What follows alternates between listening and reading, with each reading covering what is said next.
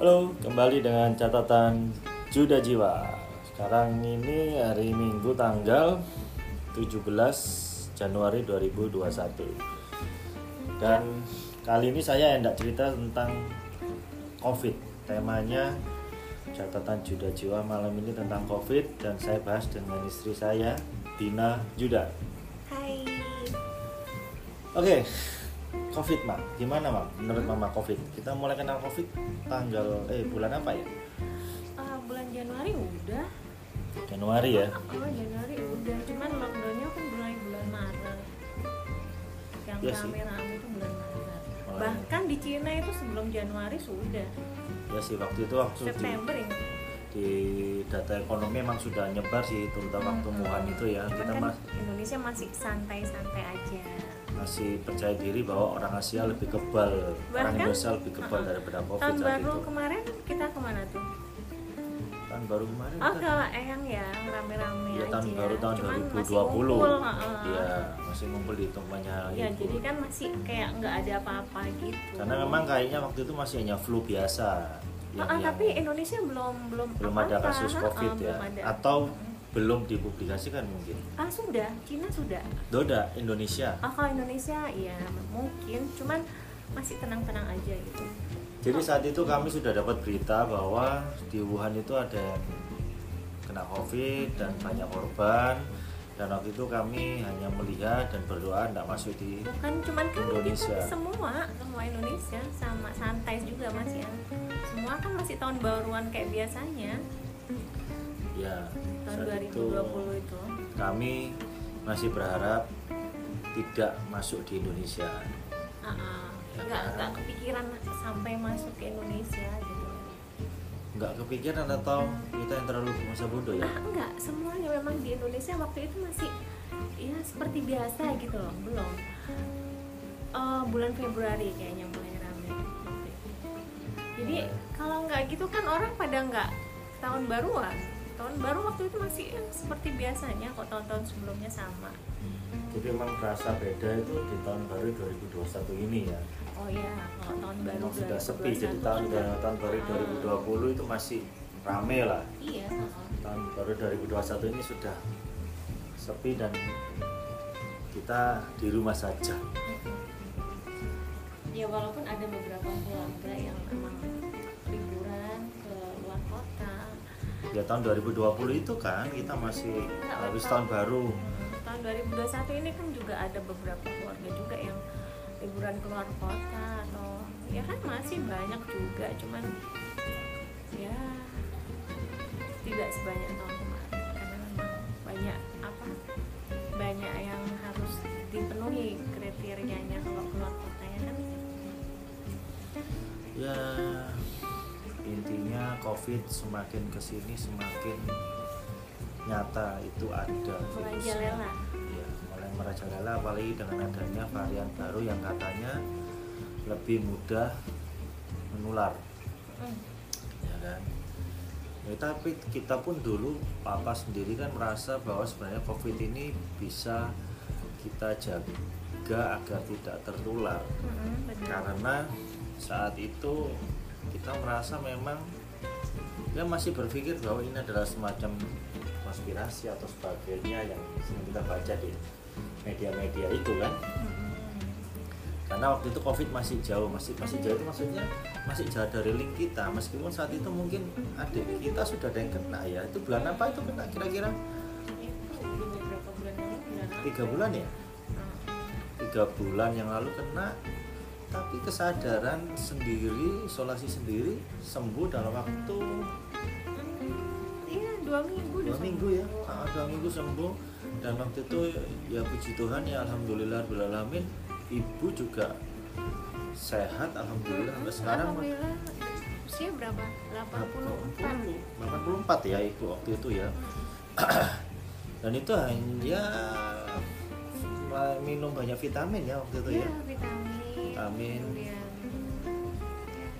vitamin yang cair ya kak ya bukan vitamin C doang cuman nggak tahu namanya apa ya lupa.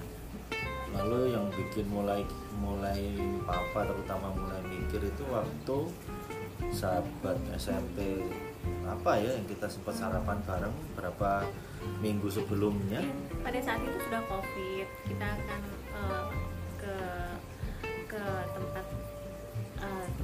bekerja ya waktu itu ya sekalian rumahnya rumahnya juga ya. Ya dia nggak kena covid. Ah, enggak tapi kan sudah sudah sudah dalam covid ini. Loh ini kita kita mah bicara sudah covid Ah, ah, iya gitu ah, loh. maksudnya itu itu. Terus ya kita ke sana waktu itu memang. Nggak, intinya kan pada saat itu nggak kelihatan ada dia tuh sakit. Oh nggak sakit ya kan? pada waktu kita ngobrol kan enak kan? Masih sehat. masih sehat toh meskipun mungkin yang dimaksud mama di daerah situ saat itu sudah banyak kena covid juga mungkin beberapa. Ah, ah, di Gitu kan. daerah lingkungannya. Lingkungannya dia ya. itu banyak. beliau masih sehat. Ya, Dan masih sehat. Eh, sekarang kalau lewat soto masih teringat ya rasanya masih baru berapa? Kayak baru kemarin baru kemarin ya. Nah, kita dapat kabar itu waktu almarhum itu masuk rumah sakit cepat sekali ya, berapa hari. beberapa hari doang cuma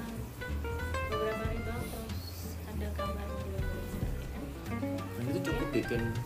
Nah itu mulai. Hmm. dari awal sih kita percaya tapi itu virus. pun belum menyadarkan bapak untuk banyak stay di rumah enggak kan? Ya kan karena masih itu cet- masih sering beredar gitu loh. Sampai sekarang pun masih. Ya tapi kan nggak segila kemarin. Ya, sekarang terus soalnya juga ada ini ada checkpoint juga males kan? Ada itu apa namanya? Pemeriksaan di perbatasan. Iya. Tapi saat itu memang saya papa sih memang masih masih masih yakin bahwa virus itu ya masih mengena di beberapa orang aja gitu. Tapi ya setelah kemarin ternyata ini yang paling ngeri itu ya berapa minggu yang lalu ya orang terdekat. orang terdekat itu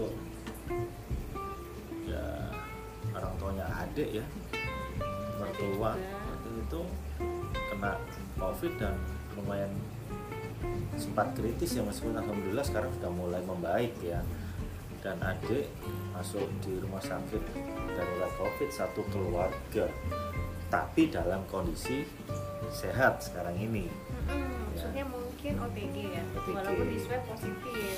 Ya super positif. Tapi eh,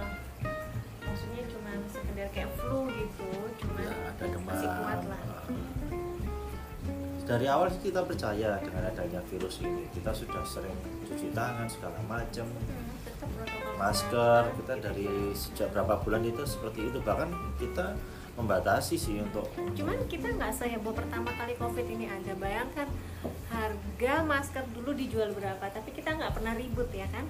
Harga masker dulu pertama kali covid mahal banget.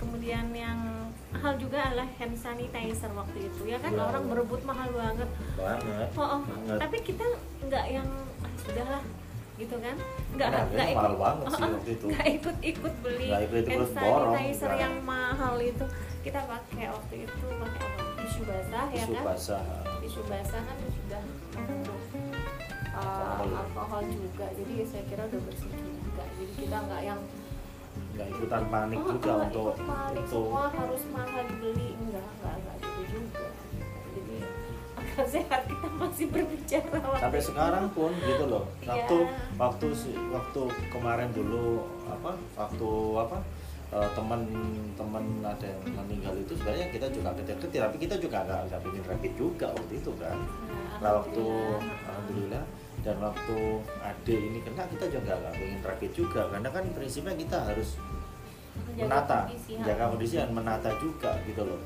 Karena rapid itu menurut papa itu baru kita lakukan jika sudah terasa gejala. Hmm, ya kan terutama mati apa rasa di Iya, mulut hidung ya hidung atau mulut itu hidung ya hidung mulut ya kan tidak bisa mencium. Meskipun lah standarnya istri sih gampang sih suruh bawa pak bawa ketek. ketek sendiri. Pas, Sama. Ah, pas anak pertama habis keluar kota kan dua minggu ya dia kan gak enak badan mungkin ini capean jadi sempat hangat juga badannya terus dia setiap malam selalu bilang ayo coba eh, cium bau ketek sendiri kalau indera penciumannya masih bau ketek kamu sendiri berarti masih normal. Dan itu ya berhasil juga. Masih ngomong selalu dia bilang gitu oke masih baik. Jadi sebenarnya standar-standar yang kayak gitu yang orang lain mungkin tidak tidak terlalu dihiraukan ya. Kalau saya kan yang hal-hal yang simpel aja gitu. hal-hal yang simpel aja kadang eh, bermanfaat gitu. tidak buru-buru panik istilahnya. Oh, oh. Batuk juga gitu batuk-batuk kita lihat dulu. Selama batuknya masih biasa ya kan suhu badan normal. Kita juga sering cek pakai. Ya kita pahami kita pantau terus suhu masing-masing anggota keluarga. Dan yang paling penting mungkin sejak berapa bulan ini ya dua sampai tiga bulan ini kita sering minum vitamin. Oh ya sejak Vitamin covid nggak pernah putus. Iya, iya ya nggak sejak covid loh kan Iya tiga empat bulan ini kan Iya Maret, Maret itu Maret kan ya? rame-rame Iya, iya, mulai Maret ya. Cuman kan eh, nggak yang setiap hari. Tiap cuman hari waktu Waktu itu. itu kita kan bikin kayak larutan kunyit, bikin heeh. Ya. godokan pon-pon. Kalau orang Jawa bilang itu kan kalau dulu kan rame di pasar itu eh, ini anti covid, anti covid. Ya sekarang masih dijual loh. Kemarin aku aja. beli di obat toko Cina itu obat toko Cina obat obatan Iya, Cina itu nggak dibilang anti covid Anti juga. Covid kan?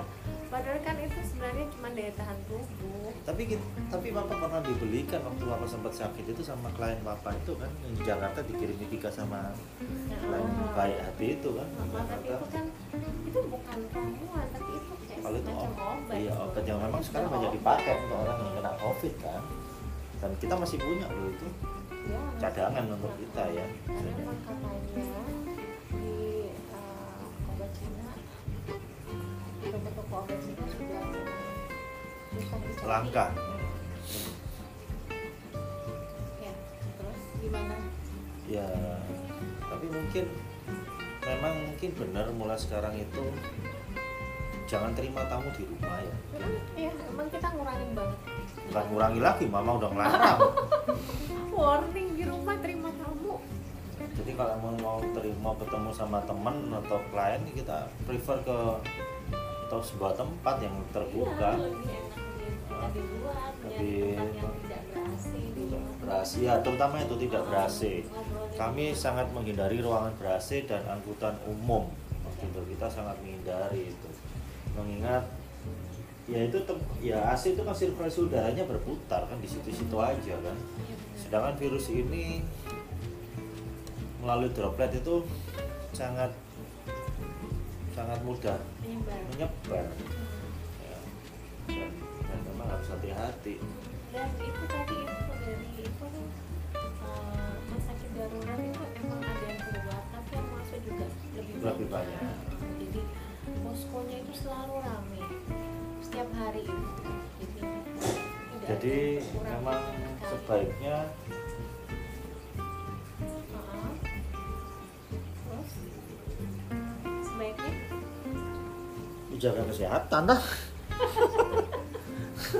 hindari dong. hindari menerima tamu di rumah heeh, sering-sering cuci tangan pakai air dan yang hal yang masih dibuat sampai sekarang saya papa sendiri tuh heran orang itu nggak mau kumur Oh. orang itu dari waktu ulang tahunnya papa coba papa sampai siapin itu obat kumur loh iya waktu itu kita Pak- Papa beli banyak kan. Jadi memang waktu itu mau mengajakan syukuran di sebuah tempat di daerah Prigen. Tapi kami benar-benar memilih tempat itu sesuai dengan protokol yang ada. di luar pokoknya Jadi tempat itu tidak berkerumun di satu banyak orang. Jadi kita lokalisir di satu tempat. Jadi kayak ada pendopo sendiri kita di sana. Lalu sebelum ketemu semua tak cuci tangan. Sebelum ngobrol setelah buka masker disiapin Listerin. Eh tapi ada yang nggak pernah pakai Listerin loh coba toh. Lah ya itu temennya Pak. Oh, Itu iya. Sampai nanya gimana Iya, itu gimana rasanya apa? apa? ya apa masih ada eh bercanda ya. Tapi memang itu hal yang aneh gitu. Bisa di di tahun sekian sekarang kita nggak pernah pakai Listerin. Padahal sekarang jurnal kesehatan yang pernah yang pernah saya baca itu kita kumur dengan obat kumur Listerin atau apa pun mereknya ya. Ini kami nggak di endorse lagi kami nggak di endorse ya. Tapi memang yang diingatan saya itu Listerin itu bisa selama 30 detik itu bisa mengurangi resiko droplet sekitar 2 sampai 3 jam. Tapi dengan catatan kalau kita kumur lawan bicara kita juga harus kumur. Iya, juga bohong kalau kita kumur bersih. ketularan dari doi kan dari dia kan. Nah itu yang bahaya. Jadi Tapi sebenarnya kalau yang dari luar juga mau masuk rumah juga diarahkan kumur juga. Jadi kan dari luar itu yang masuk ke kita keluar juga gitu. Ya harusnya demikian. Dan kalau kita dari luar Yang kita langsung mandi loh keramas loh. pas masuk rumah kumur. Kumur kostum misalnya dicopot semua jangan pegang apa kalau bisa se- seminim mungkin langsung semua baju celana dalam masuk ke mesin cuci lalu mandi keramas. Ya. setelah itu baru bisa berinteraksi dengan keluarga. Itu sih yang, yang standar yang kami lakukan selama ini. Bahkan anak nomor dua juga langsung sering nguap hirup Uap panas. kalau habis keluar dia kalau habis sama teman-temannya. Tapi ada yang paling bikin jengkel itu kalau kita di luar itu adalah ini loh mama mungkin mama sering lihat waktu kita ke daerah sekitar Mojosari atau waktu mama ke pasar orang itu jarang pakai masker Iya. Um, orang nggak pasar cuma di pinggir. iya di pinggirnya karena papa memang larang dan kita sadar itu punya risiko yang Iya, tinggi kan. beberapa orang penjual memang nggak pakai masker kita lewat di, samping sepanjang jalan aja banyak yang nggak pakai masker apalagi Iya. waktu di sidoarjo itu kita Sidoarjo, makan bakso tuh yang pernah di podcast sebelumnya oh, oh itu nggak pakai masker juga orang ngamen nggak pakai masker ya kan sama aja sebar-sebar ludah dong ya memang uh, apa ya sebenarnya pakai masker itu sudah lama disosialisasi tapi masih juga ada orang yang nggak pakai ya. agak sedikit ngotot nggak mau pakai memang nggak enak pakai masker itu mah Uh, emang nggak enak cuma kan apa aja setengah ya? setengah jam udah Kesadaran- menggus-menggus nggak kesadarannya pingsan kurang. tapi ya apa lagi ya Ah, ah, gimana ya cara cara orang kayak gini diapain gitu enaknya ya itu pakai masker. Saya kan ada lagi paling sebel itu ngeliat orang batuk kan nutup mulutnya. Hmm, iya. Dia batuk orang nggak tahu mereka orang mereka ini kayaknya egois banget gitu loh. Batuk atau bersin itu nggak mau. egois dan nggak tahu atau tolol. Jadi orang tuh kadang ah, meremehkan meremehkan itu loh intinya.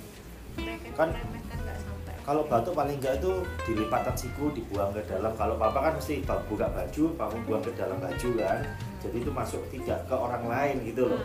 Atau ada yang nutup mulut atau buang ke wajahnya atau sambil ke bawah jangan ke atas. Ya kita pernah ngelihat ada orang bersin atau batuk itu nyebar gitu ke atas.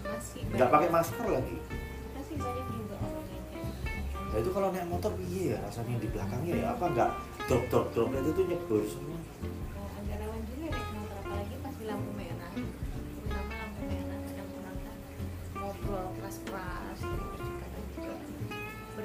atau batuk kayak gitu.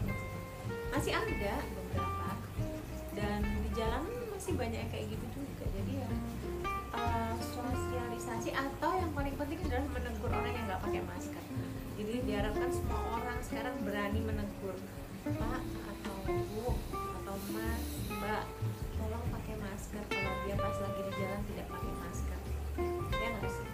Iya iya iya benar. Cuman yang dikhawatirkan karena kan orang-orang ya mungkin beberapa orang itu nggak mau ditegur sehingga terjadi akhirnya kalau dia tersinggung ya gimana orang dia yang salah kita negur kan untuk demi kebaikan Iya kalau sih. dia ngotot ya panggil pak polisi aja ya karena memang sudah jadi undang-undang sih Iya. covid ini harus pakai masker masa sih. eh, dia mau marah sih orang dia yang salah orang lain pasti ngebelain kita deh kalau Cuman masalahnya saat dia marah tuh turpelnya tambah nyembur-nyembur orang dia nggak pakai masker. iya sih Tambah repot kita. Ya mending kalau dia sikat gigi kalau enggak. udah ditinggal aja bilang aja ah itu lu nggak pakai masker biar digeruduk ke orang lain Tapi memang aja memang itulah kendala yang ada. Bahkan sejak dilaksanakan PPKM di Surabaya ya sejak minggu yang lalu sampai tanggal 25 nanti kita sendiri sudah sudah hampir nggak pernah keluar kan sudah sering di rumah alhamdulillah kita kerasan di rumah. Tapi ya sebenarnya sebenarnya lebih lebih lebih, lebih tepat itu ini sih takut sih melihat yang terdekat itu sudah. Ya kadang Nah, eh, kadang khawatir lah.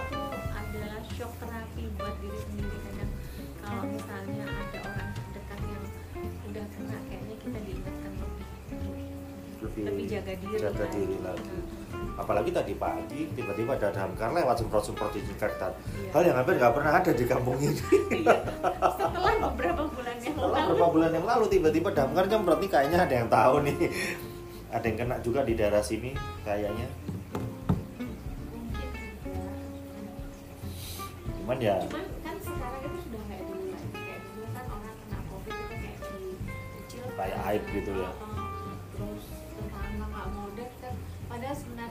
harusnya tetangga itu yang menolong memberikan makanan makanan. Heeh.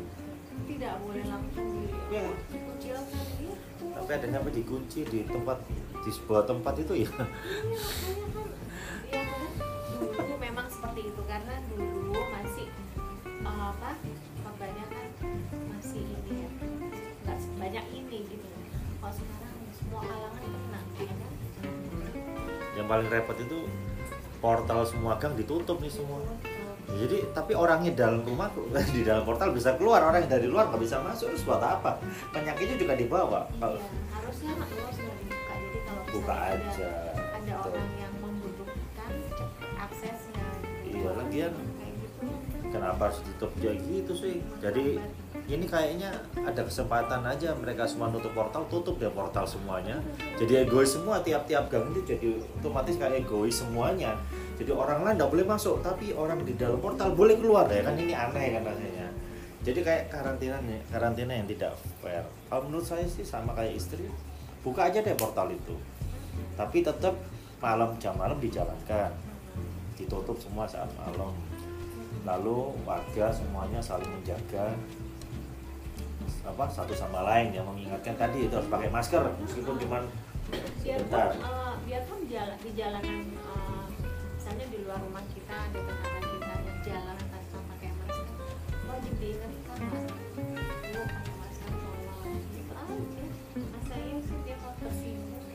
sih? Tapi ini papa baca di salah satu apa Instagram ini kayaknya pemkot Surabaya mau ada operasi ke pasar-pasar ini mulai Senin besok kayaknya. Oh ya lagi Iya. setelah dulu keputaran ditutup. Iya. Itu kan terakhir keputaran ditutup dulu itu kan? Iya di sini kayaknya mau ada lagi nih. Nggak tahu pasar mana aja mau di soalnya orang-orang udah mulai nyantai ya kayaknya.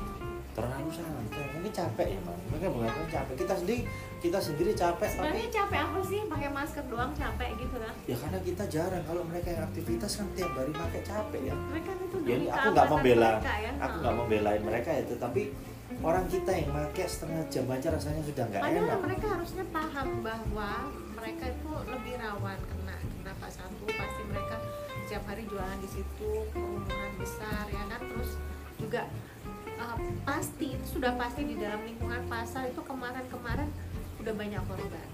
Nah itu temannya entah entah itu temannya sendiri atau siapa pasti udah banyak. Cuman mungkin nggak terdeteksi ya? Ah enggak kan kalau di pasar kemarin dulu tuh banyak yang kena swab kan? Terus di swab udah positif terus ditutup. Apa ya? Kok enggak tapi intinya gitu gini mungkin nggak mungkin masker? harus harus mulai teman-teman yang ada di pasar itu harus mulai sadar diri untuk mau memakai masker karena punya resiko yang lebih tinggi. Iya lebih tinggi maksudnya. Intinya itu kan. Intinya itu. Jadi ya ya susah juga. Atau kalau enggak sebenarnya satpol pp atau apa selalu selalu nggak boleh capek untuk speaker keras-keras harus memakai masker kayak gitu-gitu. Ya. Kayak himbauan pakai masker tuh tiap hari harus digerakkan gitu. memang pandemi ini merubah semua kebiasaan sih. Nah, semakin dekat vaksin semakin banyak korban. Semakin banyak korban karena orang merasa semakin ya, ngenteng no nyantai. Tuh. Tuh. cuman ya ini ini ini cerita dari versi kami ya versi kami dan bagaimana kami menjaga keluarga kami dari virus COVID-19 ini. Bagaimana kami menyikap setiap hari setiap hari kami juga selalu bilang kepada anak-anak untuk sudah lebih baik makan no diet makan no diet. Vitamin terus. Rasa nggak enak minum obat flu. Rasa nggak enak minum obat flu. Minuman kamar air kumur. Kumur air garam masih maunya ya? Iya. yang pasti sih sudah minum vitamin itu sih terus istri paling betul bikin apa kayak binahong atau apa yang dikodok-kodok itu semuanya. Kita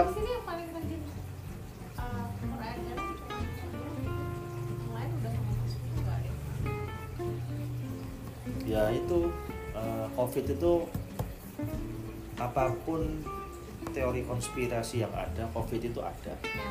Nyata virusnya ada kita boleh mempercayai segala macam teori konspirasi yang ada. Kita boleh memakai teori agama apa pun yang itu sudah diatur sama Tuhan. Tetapi yang harus kita sadari saat ini adalah covid itu ada dan bisa apa ya istilahnya ya bisa berbahaya bagi semua semua kalangan. semua kalangan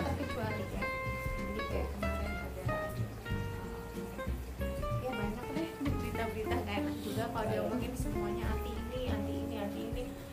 Semuanya orang bisa kena kok. Kalau ada orang yang kebal. tidak ada orang yang kebal. Ya setelah setelah divaksin mungkin agak sedikit kebal. Ya tapi itu kan masih butuh waktu gitu loh. Tidak bisa habis divaksin satu kali langsung happy happy kan tidak bisa. Karena vaksin itu mesti dua kali. Dua kali. 14 hari setelah vaksin pertama dilakukan vaksin kedua dan kami sangat menunggu vaksin itu. Kami sangat-sangat mau untuk divaksin pak. Karena iya apa pun itu konspirasinya takut ini lah takut itu lah takut chip atau apa. Itu kan konspirasi yang bikin orang itu jadinya takut divaksin ya. Kan sebenarnya itu justru bikin tambah korban banyak kan kalau orang mau divaksin. Jadi apa pun teori konspirasi yang ada, pertama percaya bahwa virus ini ada. Yang kedua, jangan takut untuk divaksin. Sudah, ya. Kalau ada yang nggak mau divaksin, jatah vaksin kasih kami deh. kami mau kok betul, wes kami mau. jadi sebenarnya kalau ada orang yang nggak mau divaksin orang lain di luar sana itu masih banyak yang pengen divaksin Hmm, karena kan nggak seluruh orang Indonesia kan dapat vaksin ya kan betul. kalau nggak mau ya udah jatah vaksin kalau nggak salah cuma 100 berapa juta ya. Kan kalau Dan nggak mau kan- sudah dikasihkan ke yang mau tapi kan sekarang kalau nggak mau kena ini undang-undang kita ya Ya, Kalau nggak mau. Tapi sebenarnya sih pemerintah nggak perlu nakut-nakutin seperti itu karena kembali lagi vaksin itu memang apa ya? Ya orang sih boleh menolak, boleh apa menolak. Tetapi satu lagi, lepas dari apa pun alasan yang ada, vaksin itu diperlukan saat ini dan kita tidak boleh menolak. Kalau ada yang nggak mau, sekali lagi keluarga kami mau, ya mam ya. Kami siap kok divaksin kok. Ya kan? Kayak nggak mau loh kan kan ada yang kemarin kan ada tuh yang apa di video medsos itu yang yang yang apa kayak kayak sebuah instansi itu saya nggak mau divaksin joget-joget nggak mau divaksin. lah ada TikTok atau apa itu? Saya sampai loh bikin kok kayak gitu gitu? nggak mau iya. divaksin. mau yang di TikTok juga masih banyak yang nunggu vaksin kok. Nah, iya. diberikan yang mereka Ya, podcast ini yang yang bikin juga lagi nunggu divaksin kok. Ya sudah. ribet amat. Kalau nggak mau ya sudah lah nggak usah gembar-gembor nggak mau divaksin. Itu sama aja kalian caper cari perhatian. Ya kan? Udah vaksin vaksin aja ya kan agar kerjanya juga ringan semua nakes kasihan tuh nakes nakes itu capek kami sangat sangat sangat menghormati dan menghargai kerja kerasnya para tenaga kesehatan kenapa mang Ini kalau ada yang bilang dia kan semua udah vaksin nih, Ah. dia nggak divaksin. Terus dia bilang, "Wah, aku kuat-kuat aja loh. Ternyata aku nggak nggak sakit. wah itu Gimana? double kuadrat Orang yang lain udah divaksin. tololnya kuadrat ya jelas ya orang benar lain udah divaksin, sudah berkurang. sudah berkurang Makanya dia nggak kena. Iya. Itu kan herd immunity sudah terjadi jadi kalau ada satu orang oh ya kemarin yang kita pernah bahas itu kan ya ada satu orang ini penyakit yang lama bukan penyakit vaksin covid jadi ada satu orang itu dengan bangga cerita anak saya dari vaksin nggak apa-apa kok sehat-sehat saja ya jelas sehat. Orang anak-anak lainnya sudah divaksin sekelilingnya semua sudah divaksin jadi nggak ada penularan. Jadi itu nggak ada urusannya sama agama itu urusannya sama sekitarnya. Sudah divaksin. Pun nanti di covid juga demikian. Kalau sekitarmu semua sudah divaksin ya otomatis nggak ada penularan.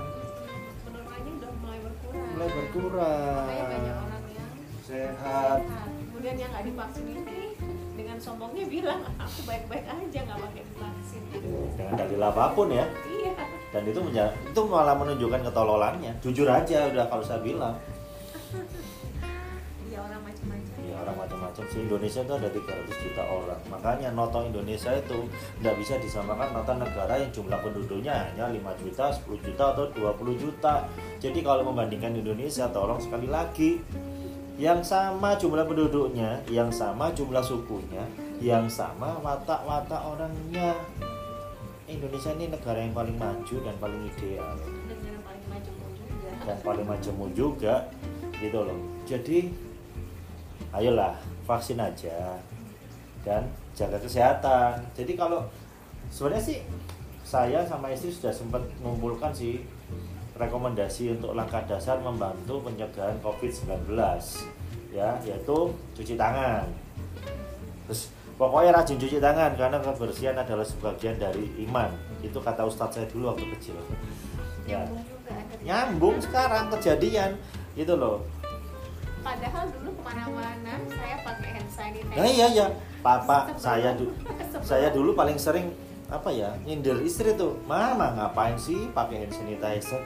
Eh ada. sekarang di mobil ada hand sanitizer di kamar ada di kamar mandi ada di luar-luar ada hand sanitizer. Jauh sebelum covid ada. Istri saya ini kayak peramal deh. Dia bisa tahu duluan. Kayak kala tuh ada peramal yang barusan apa mengkoreksi ramalannya. Masa ramalan direvisi? Aneh. iya itu. Coba deh cari. Kau nggak mau nyebut nama deh ada tuh. Masa ramalan bisa direvisi kayak skripsi aja.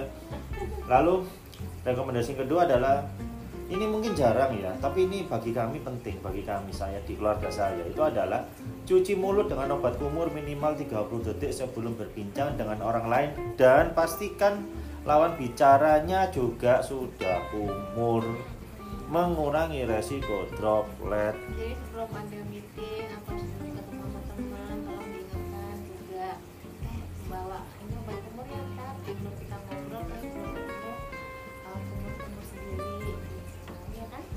bawa. Nggak usah sungkan. Daripada sakit. Ya kan? Lalu kalau batuk atau bersih tolong arahkan ke lipatan siku atau masukin dalam baju. Jangan bagi-bagi sama orang lain. Tutup mulutnya kalau bersin atau batuk. Ya kan? Jadi orang itu yang pinter. Lalu bersihkan dan desinfektan benda yang sering disentuh. Ya paling nggak dilap pakai tisu basah atau apa lapisan handphone paling sering kan mam? Mobil itu kadang pegangan pintu itu mobil ya kayak gitulah. Di rumah aja kalau bisa. Ini ya susah sih kalau saya pribadi. Karena kan kerjaan saya itu capek capek banget. Butuh udara segar udara dan stress rilis itu Iya bukan kan? cuma satu minggu Ya, keluar tuh hanya cuma muter-muter aja. Lalu pakai masker dari dari sejak keluar rumah. Ini nih penting nih. Hindari menyentuh wajah. Nah ini. Pakai masker udah bener ya kan? Ngobrol sama teman-teman semua Oh, ngobrol nih sama teman-teman, nggak umur juga ngobrolnya udah aman pakai masker aman sampai rumah tangannya megang rambut, rambutnya ucek-ucek mata atau megang hidung. Virus itu bisa bertahan di apa? lapisan permukaan itu 3 sampai 4 jam. Jadi saran saya sebelum bersih-bersih semuanya jangan megang wajah atau mata jaga jarak fisik dengan orang lain physical distancing. Ya kan? Itu sudah wajib lah. Karena seperti itu. Ya jadi saya sudah lama saya ingin bikin podcast tentang covid ini sama istri. Cuman karena ya sekedar gambaran. Aja. uh, uh, berbagi ya bagaimana keluarga kami menata agar sebisa mungkin semaksimal mungkin mungkin belum maksimal. mungkin seperti seperti keluarga keluarga lain. Tapi bagi Tapi, kami nah, itu sudah kami terapkan selama beberapa bulan ini itu gitu loh Iya, dan kita berbagi aja gitu. Dan kalau bisa memang sih sekarang kita ketemu itu virtual dia Zoom atau video call ya bisa pakai FaceTime atau visinya WhatsApp atau visinya Telegram. nanti ya Iya. Zoom ya biasain deh kita memang ini sudah sudah geser kok mas. Ini dari zaman yang dulu harus fisik sekarang menjadi zaman yang kita harus serba virtual. serba virtual gitu loh. Jadi kita harus benar-benar mau berubah. Kita harus benar-benar mau berubah kita harus benar-benar mau mau apa ya istilahnya ya? Menyesuaikan diri dengan menyesuaikan keadaan. diri dengan dengan keadaan ya. Hmm. bahwa Ah, bahwa zamannya sudah nggak seperti dulu. zamannya sudah nggak seperti dulu lagi ya kan? Dan tolong benar-benar jaga kebersihan area wajah rambut jenggot kumis karena itu adalah tempatnya sandarannya virus. Ah, Ayo sekarang kalau bisa nggak pelihara kumis jenggot. Jangan pelihara jenggot juga sementara. jenggotnya kalaupun ada jenggot ya dibersihkan. rajin rajin rajin disabun disampo ah, kadang kan nyangkut juga ada virus droplet mulut kita itu kadang jatuh ke rambut kita atau orang lain dropletnya bisa nyam di, di jenggot atau di ini. intinya menjaga kebersihan karena sebet kebersihan adalah sebagian daripada iman. Itu sih diajarkan oleh ustadzku dulu kebersihan loh ya masalah kebersihan ya ini ya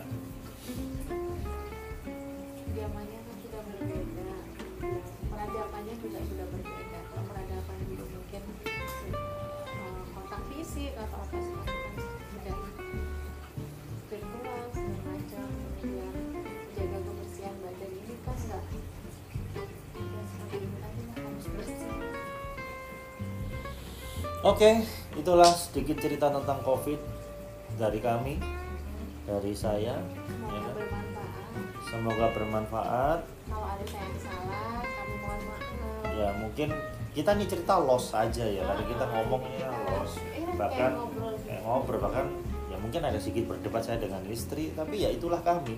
Kami saling menjaga dan mengingatkan baik kepada teman-teman sahabat saudara maupun kepada keluarga kami sendiri masalah kalian mau dengarkan atau tidak ya itu kembali kepada kalian karena hidup ini adalah pilihan.